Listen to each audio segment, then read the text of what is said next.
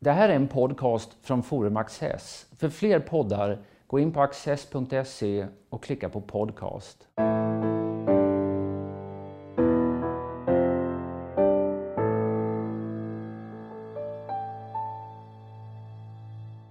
Välkomna till Studio Access. Eh, temat för dagen är mänskliga rättigheter och deras förhållande till politiken. Och kring detta ämne ska jag samtala med Lars med historiker, professor vid Ersta Sköndal, Bräcke högskola. Varmt välkommen Lars. Tack så mycket. Idén om mänskliga rättigheter, eh, är det en gammal eller en ny idé? Ja, det är en väldigt bra fråga. Och det har ju varit tror jag, en ganska dominerande föreställning, speciellt nu under de sista årtiondena när mänskliga rättighetsbegreppet har blivit väldigt etablerat.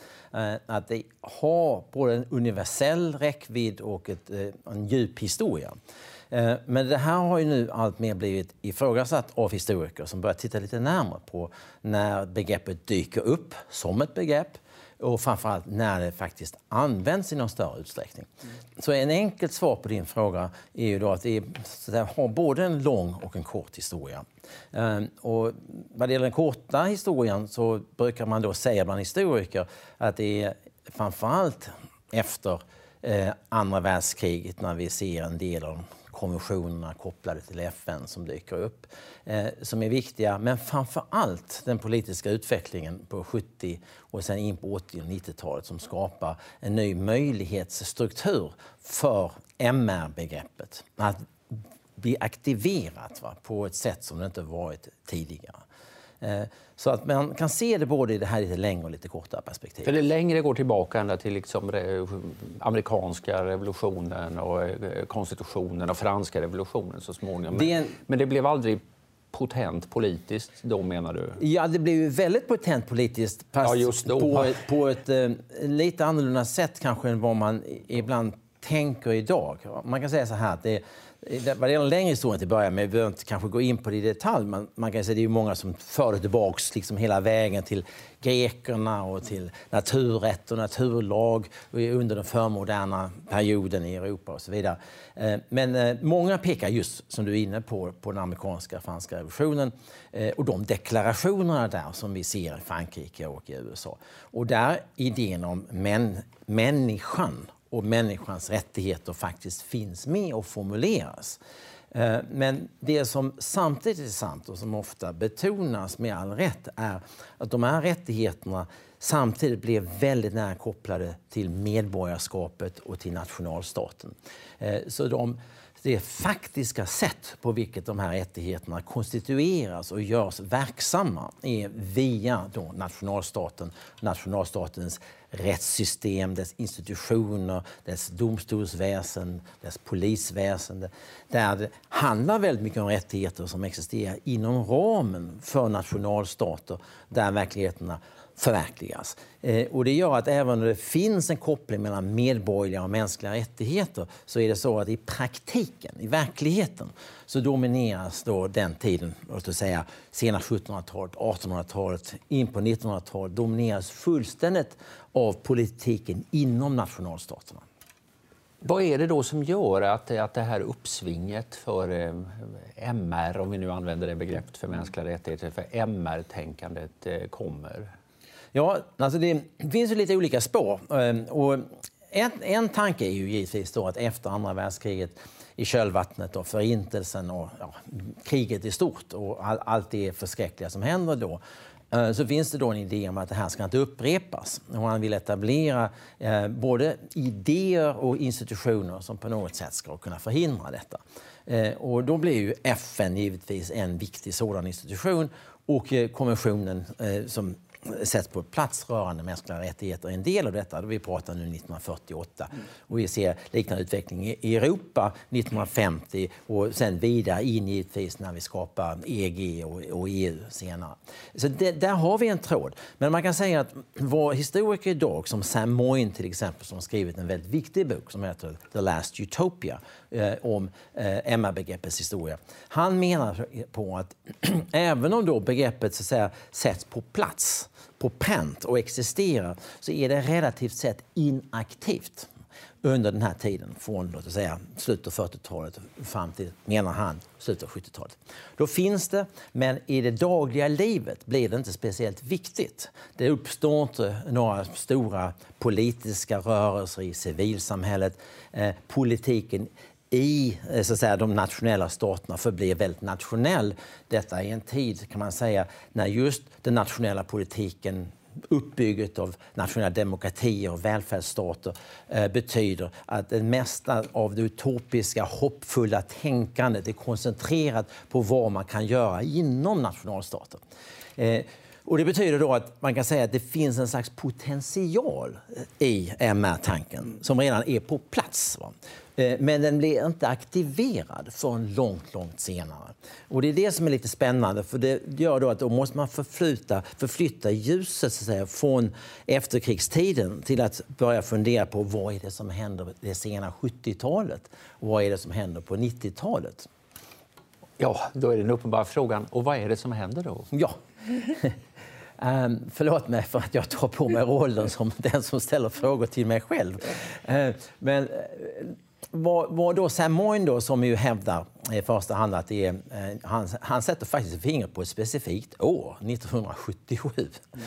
Och det är då det år eh, som Jimmy Carter, som var amerikansk president vid det tillfället, håller ett tal som blev väldigt berömt. Va? När han då säger och hävdar att mänskliga rättigheter, human rights, va? Är, ska vara absoluta. Detta är en absolut ledtråd, ledstjärna va? I, i allt hans arbete och tänkande. Eh, och senare på samma år, han, detta är hans tal då till nationen i januari och sen så kommer då eh, ett Nobelpris till Amnesty International eh, som också då symboliserar det sätt på vilket MR-idén har blivit accepterad och helt central. Det är liksom två symboliska ögonblick.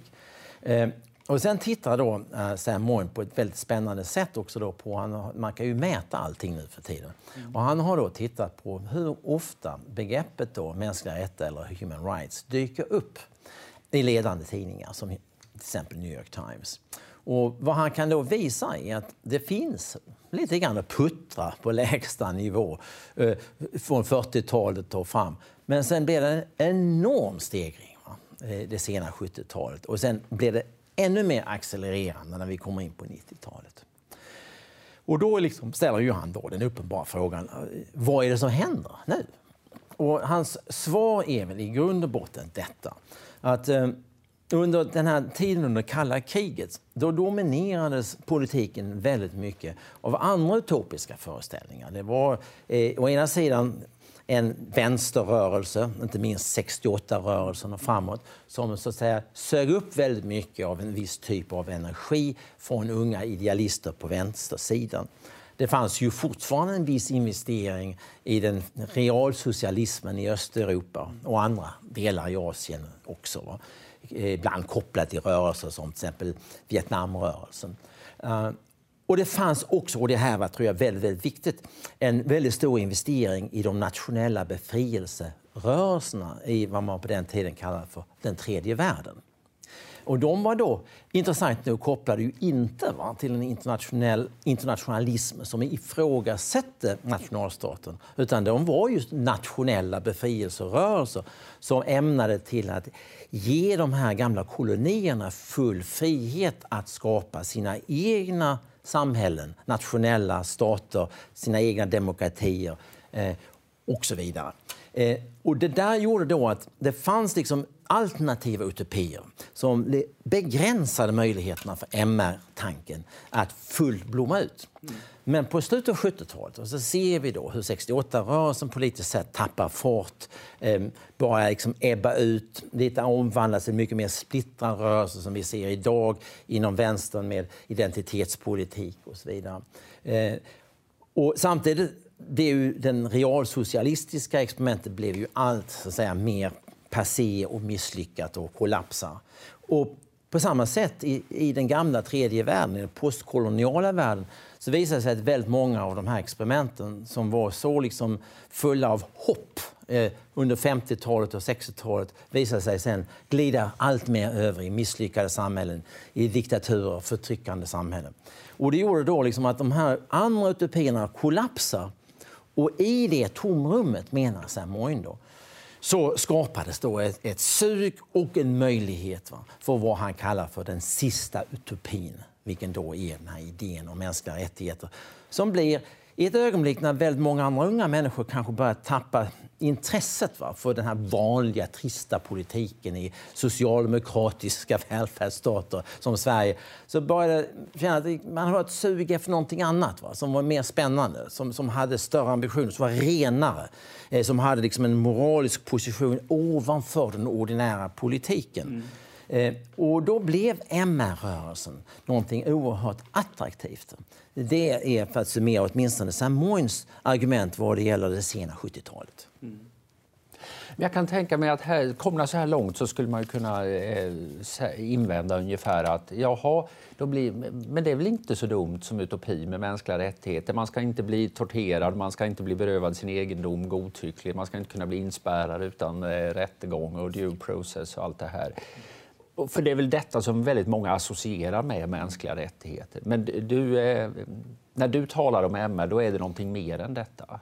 Ja, alltså jag tycker ju att det finns väldigt många goda skäl till att ta just den, inta den hållning som du själv anger här. Eh, men eh, det skapas ett problem och vad som uppstår är en, en kan man säga, en, en konflikt mellan traditionell politik å ena sidan och en form av moralism som är antipolitisk å den andra sidan. Så att om vi ser, inte minst i Östeuropa eh, i samband med murens fall, figurer som Václav Havel till exempel eh, i, i, i Tjeckoslovakien, då tidigare Tjeckoslovakien. Han, så att säga, på mycket förståeliga skäl, tappar ju allt förtroende va, för den ordinära politiken, för staten. Eh, inget besynligt med detta. Eh, och det här såg man även i Latinamerika. En, en, en slags eh, cynism vad det gäller den traditionella politiken och staten. Och I detta föds egentligen två begrepp som är väldigt nära kopplade. Det ena är civilsamhället, tar vi för givet idag. Men det var ett helt nytt begrepp på slutet av 80-talet de facto. Eh, och mänskliga rättigheter. Och båda då var för, för Havel kopplade till vad han kallade för antipolitik. Han ville ersätta den här liksom kohandelspolitiken, realpolitiken, med moral. En moral så att säga, som stod ovanför, som var mer autentisk, som var mer mänsklig. Han hade en vision av att skapa ett samhälle bestående av mer så att säga, kommunitära gemenskaper som, som var liksom organiska, på riktigt. Va? Inte de här liksom hemska statliga institutionerna som på olika sätt berövade människor möjligheterna till det här autentiska livet. Ehm, och, och den, där, den där tendensen va, mot både en kritik av nationalstaten som begränsande, kanske främlingsfientlig på olika sätt och som i grund och botten va, kännetecknad av den här mer krassa kohandeln, kompromisspolitiken. Allt detta liksom kontrasterades då mot eh, den moraliskt rena idén om mänskliga rättigheter som en tankefigur som man kunde som engagerade sig, som hade nästan en slags religiös dimension. Mm. Alla människors lika värde. Men du beskriver liksom en krock mellan två olika logiker här. Det ena är en rättighet är absolut, det är inget man kan kompromissa om. Man har den rätten, punkt slut, så att säga, å ena sidan. Å andra sidan en politik som hela tiden handlar om avvägningar och intressen som ska balanseras mot varandra och sånt där. Men det uppstår väl egentligen ingen krock så länge de mänskliga rättigheterna handlar just om att, man, eh, att det inte görs saker emot den. Det här man brukar kalla för negativa Nej, och det, det, är en väldigt, väldigt, väldigt viktig distinktion. Uh, och man kan säga att, att vi, om vi tittar på eh, till exempel en ledande filosof som skrev tidigt om mänskliga rättigheter, Amartya Sen, uh, så betonar han ju väldigt tidigt, va, på 70-talet redan, att det är oerhört viktigt att man så att säga, begränsar uh, idén om mänskliga rättigheter egentligen i två avseenden. Det ena är att man så att säga, fokuserar på att detta är ett, ett, ett etiskt begrepp snarare än ett juridiskt anspråk. För han är emot det som jag kan prata lite mer om strax, nämligen juridifieringen av mänskliga rättigheter. Den andra aspekten i det som du tar upp. Va? Nämligen att han säger att vi måste också begränsa det till de negativa rättigheterna. Eh, alltså de klassiska negativa rättigheterna att man inte utsätts för tortyr och misshandel och eh, grundläggande så säga, politiska civila rättigheter. Eh, men däremot ska man inte ge sig in på de sociala rättigheterna som kostar reda pengar eh, och som någon, då, en nationalstat, skattebetalare, måste stå för om de ska förverkligas. Eh, och vad som sker just liksom i slutet av 70-talet och in framförallt på 90-talet så ser vi hur eh, vad en del eh, som skriver om detta brukar säga att social rights go global. Och vad man menar då är att delar av, av den konventionen kring de mänskliga rättigheterna som funnits på plats aktiveras mycket, mycket mer eh, tydligt. Va? Och anspråk görs just vad det gäller alla människor. Alltså mänskliga rättigheter ska också innebära rättigheter till saker som sjukvård och utbildning och liknande som ju då kostar väldigt mycket pengar. En tankefigur som var ganska vanlig i svensk debatt, åtminstone fram till det stora lappkastet på senhösten 2015 i, i migrationspolitiken, det var ju ett argument som löd ungefär varför ska vi ha rättigheter bara för att vi råkar vara födda i det här landet och andra stackare var utan eh, rättigheter till eh, skolgång eller eh, äldreomsorg eller vad det nu kan vara bara för att de är födda någon annanstans. Eh, vad säger du om det argumentet? Nej, men alltså, detta är ju precis, eh, det, det, det fångar just den här konflikten. Va? Det, detta är ett moraliskt argument. Och, och det är ju också har den här kvasi-religiösa dimensionen. Att man kan ju inte gå omkring och säga liksom att Gud va, har liksom en, specialuppgift vad det gäller just svenskar. Va? Alltså, vi har visserligen en svensk kyrka, va? men då skapar man lite grann på ytan teologiskt va? så blir det ganska problematiskt att hävda liksom att, att svenskarna har liksom en, liksom ett, ett, ett, utvalt folk. Va? Och det är klart att eh, på en strikt moralisk nivå va, så är det svårt att gå omkring och hävda att vi bara för att vi råkar vara födda i Sverige därför liksom skulle vara högerstående varor som är helt andra rättigheter. Men vad man då glömmer är att vi lever i samhällen där vi har samhällskontrakt som bygger på vissa ganska grundläggande principer om att vi är medborgare som betalar skatt och förtjänar våra rättigheter. Eh, och det är det sättet som vi får så att säga, legitimitet, vi får det hela fungera ekonomiskt, politiskt, socialt. Eh, så den här distinktionen och spänningen mellan medborgerliga rättigheter och mänskliga rättigheter blir då oerhört viktig. Och ett stort problem under den här tiden som du beskriver och, och sen även efter 2015 är ju att man blandar ihop de här begreppen. Man så att säga, sätter likhetstecken mellan medborgerliga rättigheter och mänskliga rättigheter som de var nästan synonymer. Och jag tror att det här är inte så konstigt egentligen för att väldigt länge var det ju så att vi de facto tänkte på mänskliga rättigheter som någonting som angick människor långt bort i stan. Medan medborgerliga rättigheter det var ett bekymmer som vi hade här i Sverige. Eh, så att vi hade väldigt aktiv biståndspolitik. Men den byggde ju trots allt på idén att människor som vi då hjälpte så att där, under rubriken mänskliga rättigheter höll sig på sin plats där borta. Men när så att säga, vi har en mycket mer aktiv migration eh, då plötsligt ställs den här frågan på sin spets på ett helt annat sätt. Va? Och det är ju därför hösten 2015 också blir så viktig. Va? För att det börjar kräva av oss intellektuellt att vi är lite tydligare analytiskt kring de här begreppen och förstår att mänskliga och medborgerliga rättigheter inte är synonyma.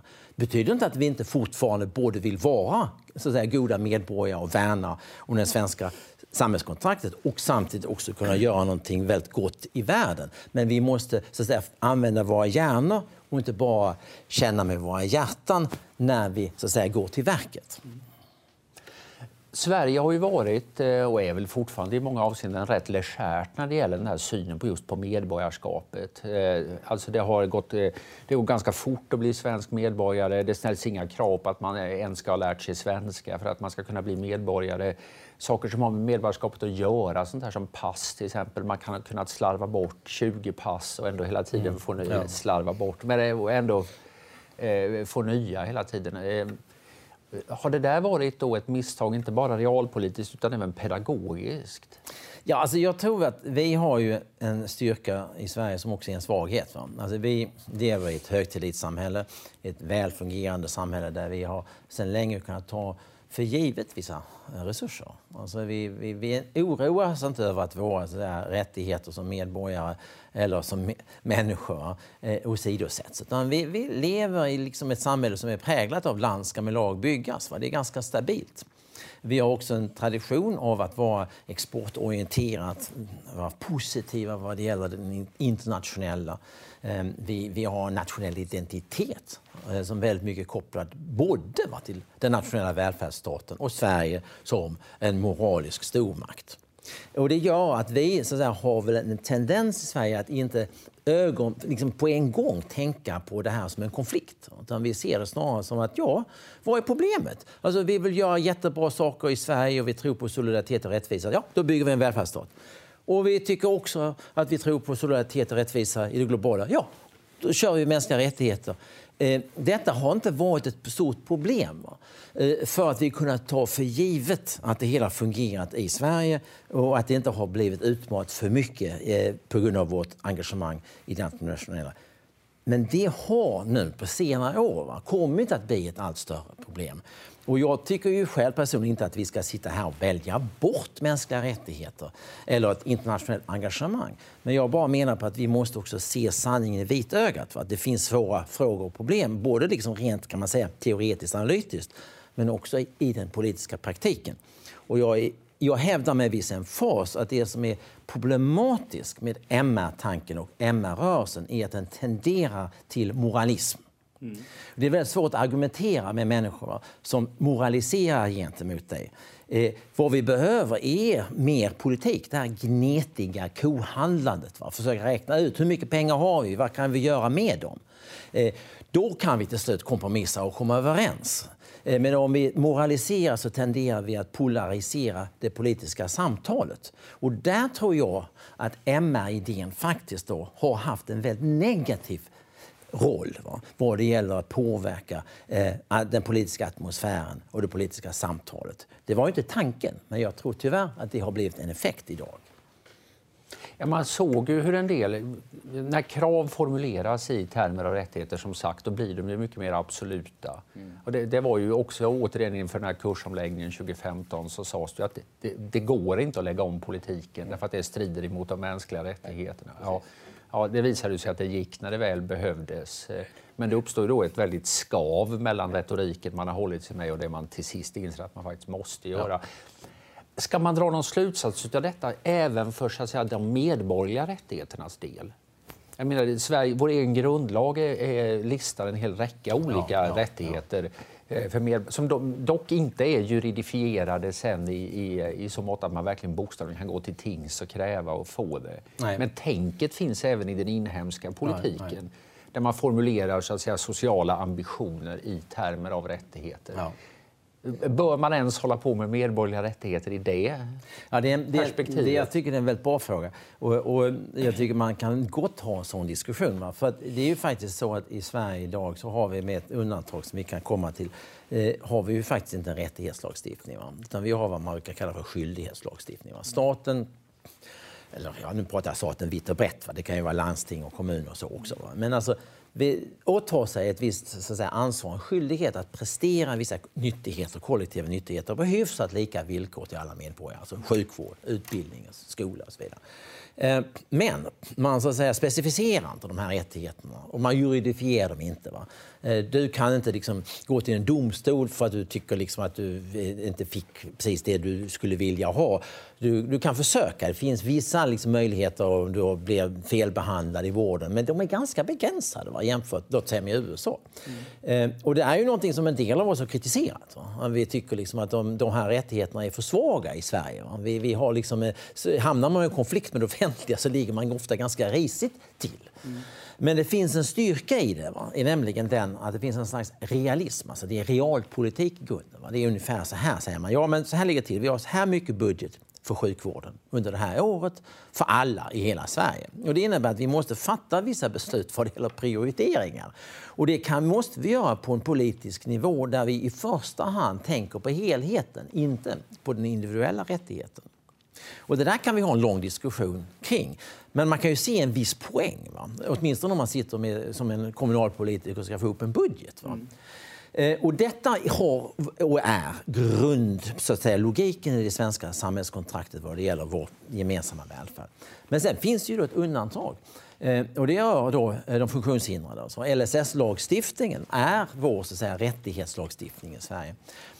Och den är ju illustrativ, för den visar ju på problemet va, i Sverige. Nämligen det att den, i och med att den är en rättighetslagstiftning så kan den inte heller begränsas utifrån den här typen av resonemang kring budget, pengar. Samtidigt ser vi då accelererade kostnader. Eh, och då blir det så, tror jag, va, att man faktiskt måste ge sig tillbaks in i politiken. Man måste säga att ja, men vi vill faktiskt upprätthålla den här rätten för en grupp människor i Sverige som verkligen har ett behov av detta. Men vi måste nog ändå infoga det i ett realpolitiskt resonemang kring pengar. Hur mycket pengar har vi? Vad är det som är liksom på något sätt ändå reasonable? Va? Mm.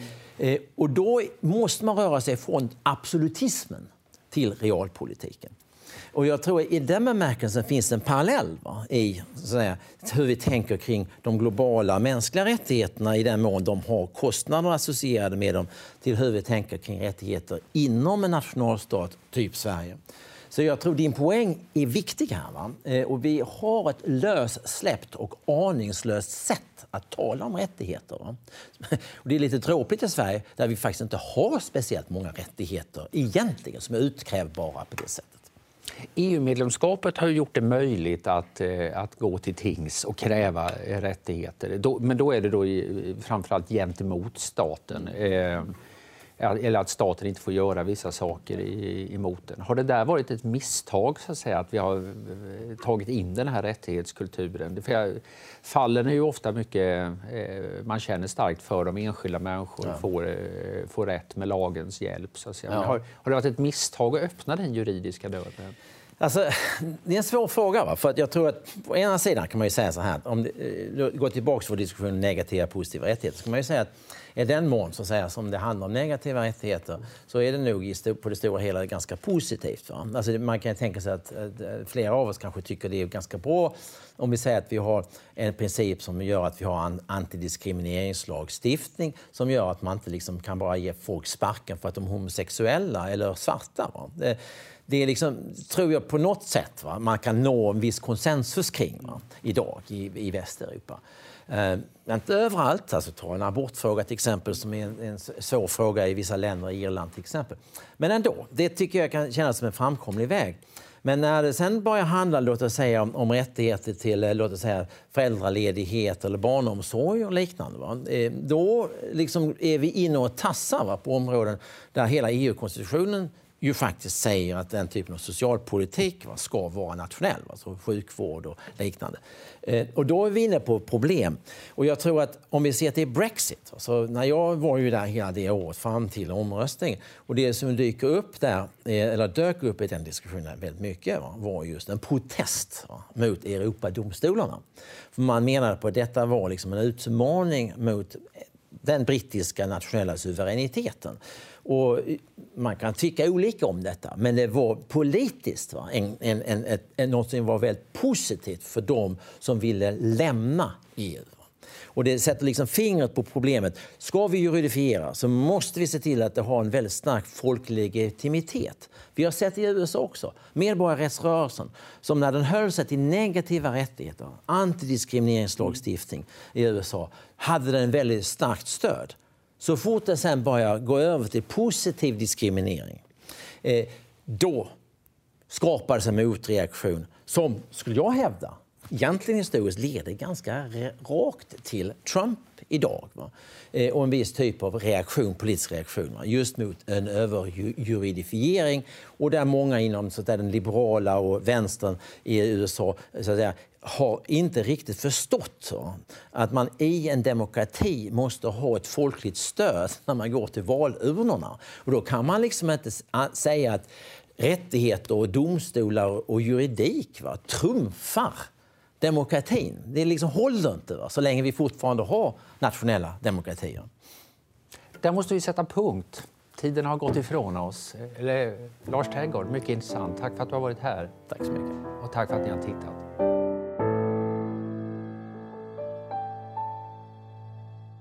Och här kommer några extra minuter med mig och min gäst. För, ja, för, vad, för, vad du, för att ta upp det här, för vad du säger är lite grann att liksom rättigheterna tenderar också att i någon mening tömma politiken på innehåll.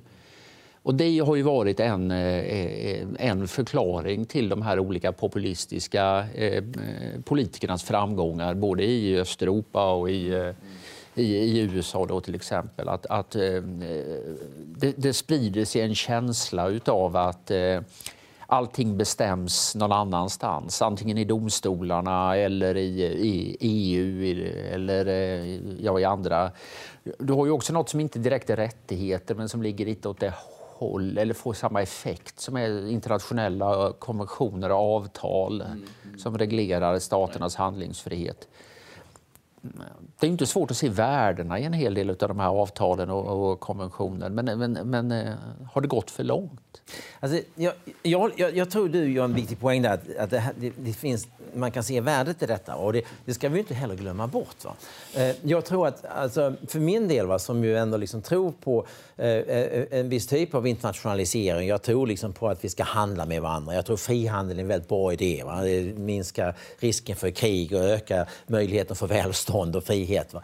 Men det där måste samtidigt vara så att säga, folkligt förankrat. Va? Och det är där tror jag det finns ju liksom en viss säga, tendens till en slags arrogans bland dem som så att säga, på liksom, tycker det är nästan självklart va? att vi ska tycka detta är bra. Eh, och som samtidigt inte kopplar detta va, till, en, till liksom en, ett försök att faktiskt politiskt få legitimitet för det. Va? Utan man liksom lite grann säger nej men vi har inget val i detta. Enda vägens politik. Va? Det, detta, detta är bara bestämt redan. Det är ingenting som vi kan hålla på och rösta om här lokalt. Va? Och, och, då har man liksom missat poängen lite grann. Va? Utan, man, om man verkligen tror på detta så är hans uppdrag, för, för, om man är politiker, eller om man är akademiker eller om man är publicist, va? så är ju liksom uppdraget faktiskt att föra fram ett argument som är vinnande. Va? Som faktiskt skapar ett, ett stöd i en demokrati. Annars hamnar man ju i den här elitistiska fällan eh, med obönhörlig logik. Och jag tror att det, det som för mig framstår som, som det liksom egentliga misslyckandet är det pedagogiska misslyckandet va? Bland, bland, bland många av dem som så att säga, i eliter i politiska partier, i media och så vidare. Där man så att säga, inte riktigt tagit det här på allvar eh, och inte ens försökt riktigt ordentligt va? Att, att övertyga eh, och att samtidigt också visa att man förstår att, att har du den här typen av av internationella eh, fördrag och de då får negativa effekter i det lokala så har man faktiskt ett ansvar för vad som händer i det lokala. Man kan inte bara säga nej men oj, så blir det. Eh, det går inte. Och det har ju lite, tyvärr lite grann va, varit eh, det sättet på vilket populister har kunnat framställa det. Mm. Ja, precis. För det ena kan också eh Ja, det ena kan skyllas på det andra. så att säga. Man får en eh, möjlighet att hänvisa i ganska svepande ordalag till olika internationella ja, sammansvärjningar och, och, så vidare. Drar du några liksom skarpa eh, slutsatser för svensk del? Är det någonting vi borde börja eh, göra eller sluta göra som, eh, som slutsats av ditt resonemang? Jag sitter ju och spånar på att skriva någonting som rör just vår relation till internationella konventioner. Ehm, jag, jag, tror att vi har, jag tror vi har ett tufft jobb att göra där och detta är en helig ko. Och detta handlar verkligen om att svära i en kyrka som är väldigt eh, eh dominant i Sverige. Men jag tror att vi, vi har hamnat i en situation där eh, vad det gäller eh, exempel asylkonventioner, barnkonventionen och så vidare, så har vi hamnat i en situation där vi väldigt ofta numera eh, gör den här typen av argument som du är inne på. Vi, säger, vi, vi, vi är bakbundna. Vi kan liksom inte, här, det här är vi bundna av den här konventionen. Vi kan inte göra någonting åt detta och därför så gör vi så. Och jag tror att vi måste inse att en hel del av de här konventionerna har skrivits i ett annat historiskt ögonblick, eh, egentligen med andra syften. Eh, och att de kanske har blivit ganska dysfunktionella idag. Och jag tror att vi måste så att säga, tänka tanken att eh, först och främst så måste vi faktiskt bevaka den nationella suveräniteten i Sverige eh, och sen utifrån det ja, fatta demokratiskt grundade beslut vad det gäller så att säga, vårt engagemang utanför Sverige.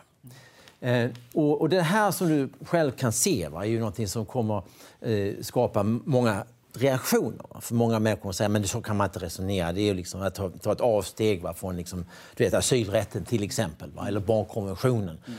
Men jag tror att vi skulle må bra av att ha en öppen diskussion om de här frågorna där vi inte skriker på varandra och moraliserar utan liksom säga att detta, detta måste också tas tillbaks va, till den krassa kohandelspolitiken om va, vi vill att det ska fungera om vi vill att det ska vara hållbart i det långa perspektivet och om vi inte vill skapa en populistisk motreaktion.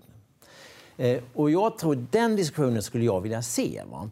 Eh, och jag tror den är svår att ta, men jag tror att det är en diskussion vi behöver och där vi har idag bättre förutsättningar också än vad vi hade kanske innan 2015. Ett begrepp som jag har kommit att fundera över mycket på sistone det är det här med så att säga, overreach. Att man har en sak som är bra och värdefull men eh, man kan liksom inte förmå sig att sätta stopp utan den ska drivas och drivas till sin spets. Nej. och riskerar då att provocera fram, eller men, men, ofta tycks det bli så att det provocerar fram rätt skarpa motreaktioner. Nej. Det finns en intressant diskussion i, i USA eh, där även personer som är anhängare av fri abort kan säga att det, här, det var kanske inte så lyckat att låta detta avgöras i Högsta domstolen Nej. istället för i, i politiskt Nej. på delstatsnivå. Eh, Därför att det blir en, dels det blir en ja eller nej-fråga med, med helt frusna och mycket hetska eh, konflikter. Ja. Istället för att man, och där den ena sidan hela tiden försöker besegra den andra. Nej. Istället för att det här får spela ut i takt med den demokratiska utvecklingen på lokal nivå. Liksom, kan du se den? Ja, men jag tror det är en jättebra poäng. Den sortens fråga går igen på andra håll. Ja, absolut. Ja. Alltså det, medborgarrättsrörelsen kan man säga spårade ut eh, Eh, på många sätt i, i det avseendet. Och, men du kan ju kontrastera det med, med, med alltså ett annat exempel som följde faktiskt en annan linje. Va? Och det är den rörelsen för homosexuellas rättigheter. Där eh, så att säga, man eh, inte lyckades genomdriva via domstolsväsendet utan man tvingades va, faktiskt att jobba politiskt. Mm. Eh, och det har då inneburit att idag i USA så har du alltså nått mycket, mycket längre vad det gäller homosexuellas rättighet att gifta sig. Va? Och därför också kunna ha rättigheter i situationer när en partner blir sjuk eller är död. Alltså sånt som är oerhört viktigt va? i ens personliga liv. Va? Arvsrätt och sådana här frågor. Va? Men där man så att säga Eh, Eh, tvingades in i en mer traditionell kohandelspolitik kring de här frågorna och liksom erövrade detta från stat till stat i takt med att folkopinionen ändrades. Va? Man kunde så att vädja va, till även konservativa människors så att säga, goda vilja. Jo, men det kanske inte är så fel att även homosexuella får gifta sig, bli stadgade människor och inte bara hålla på och springa nakna på Castro Street. Va?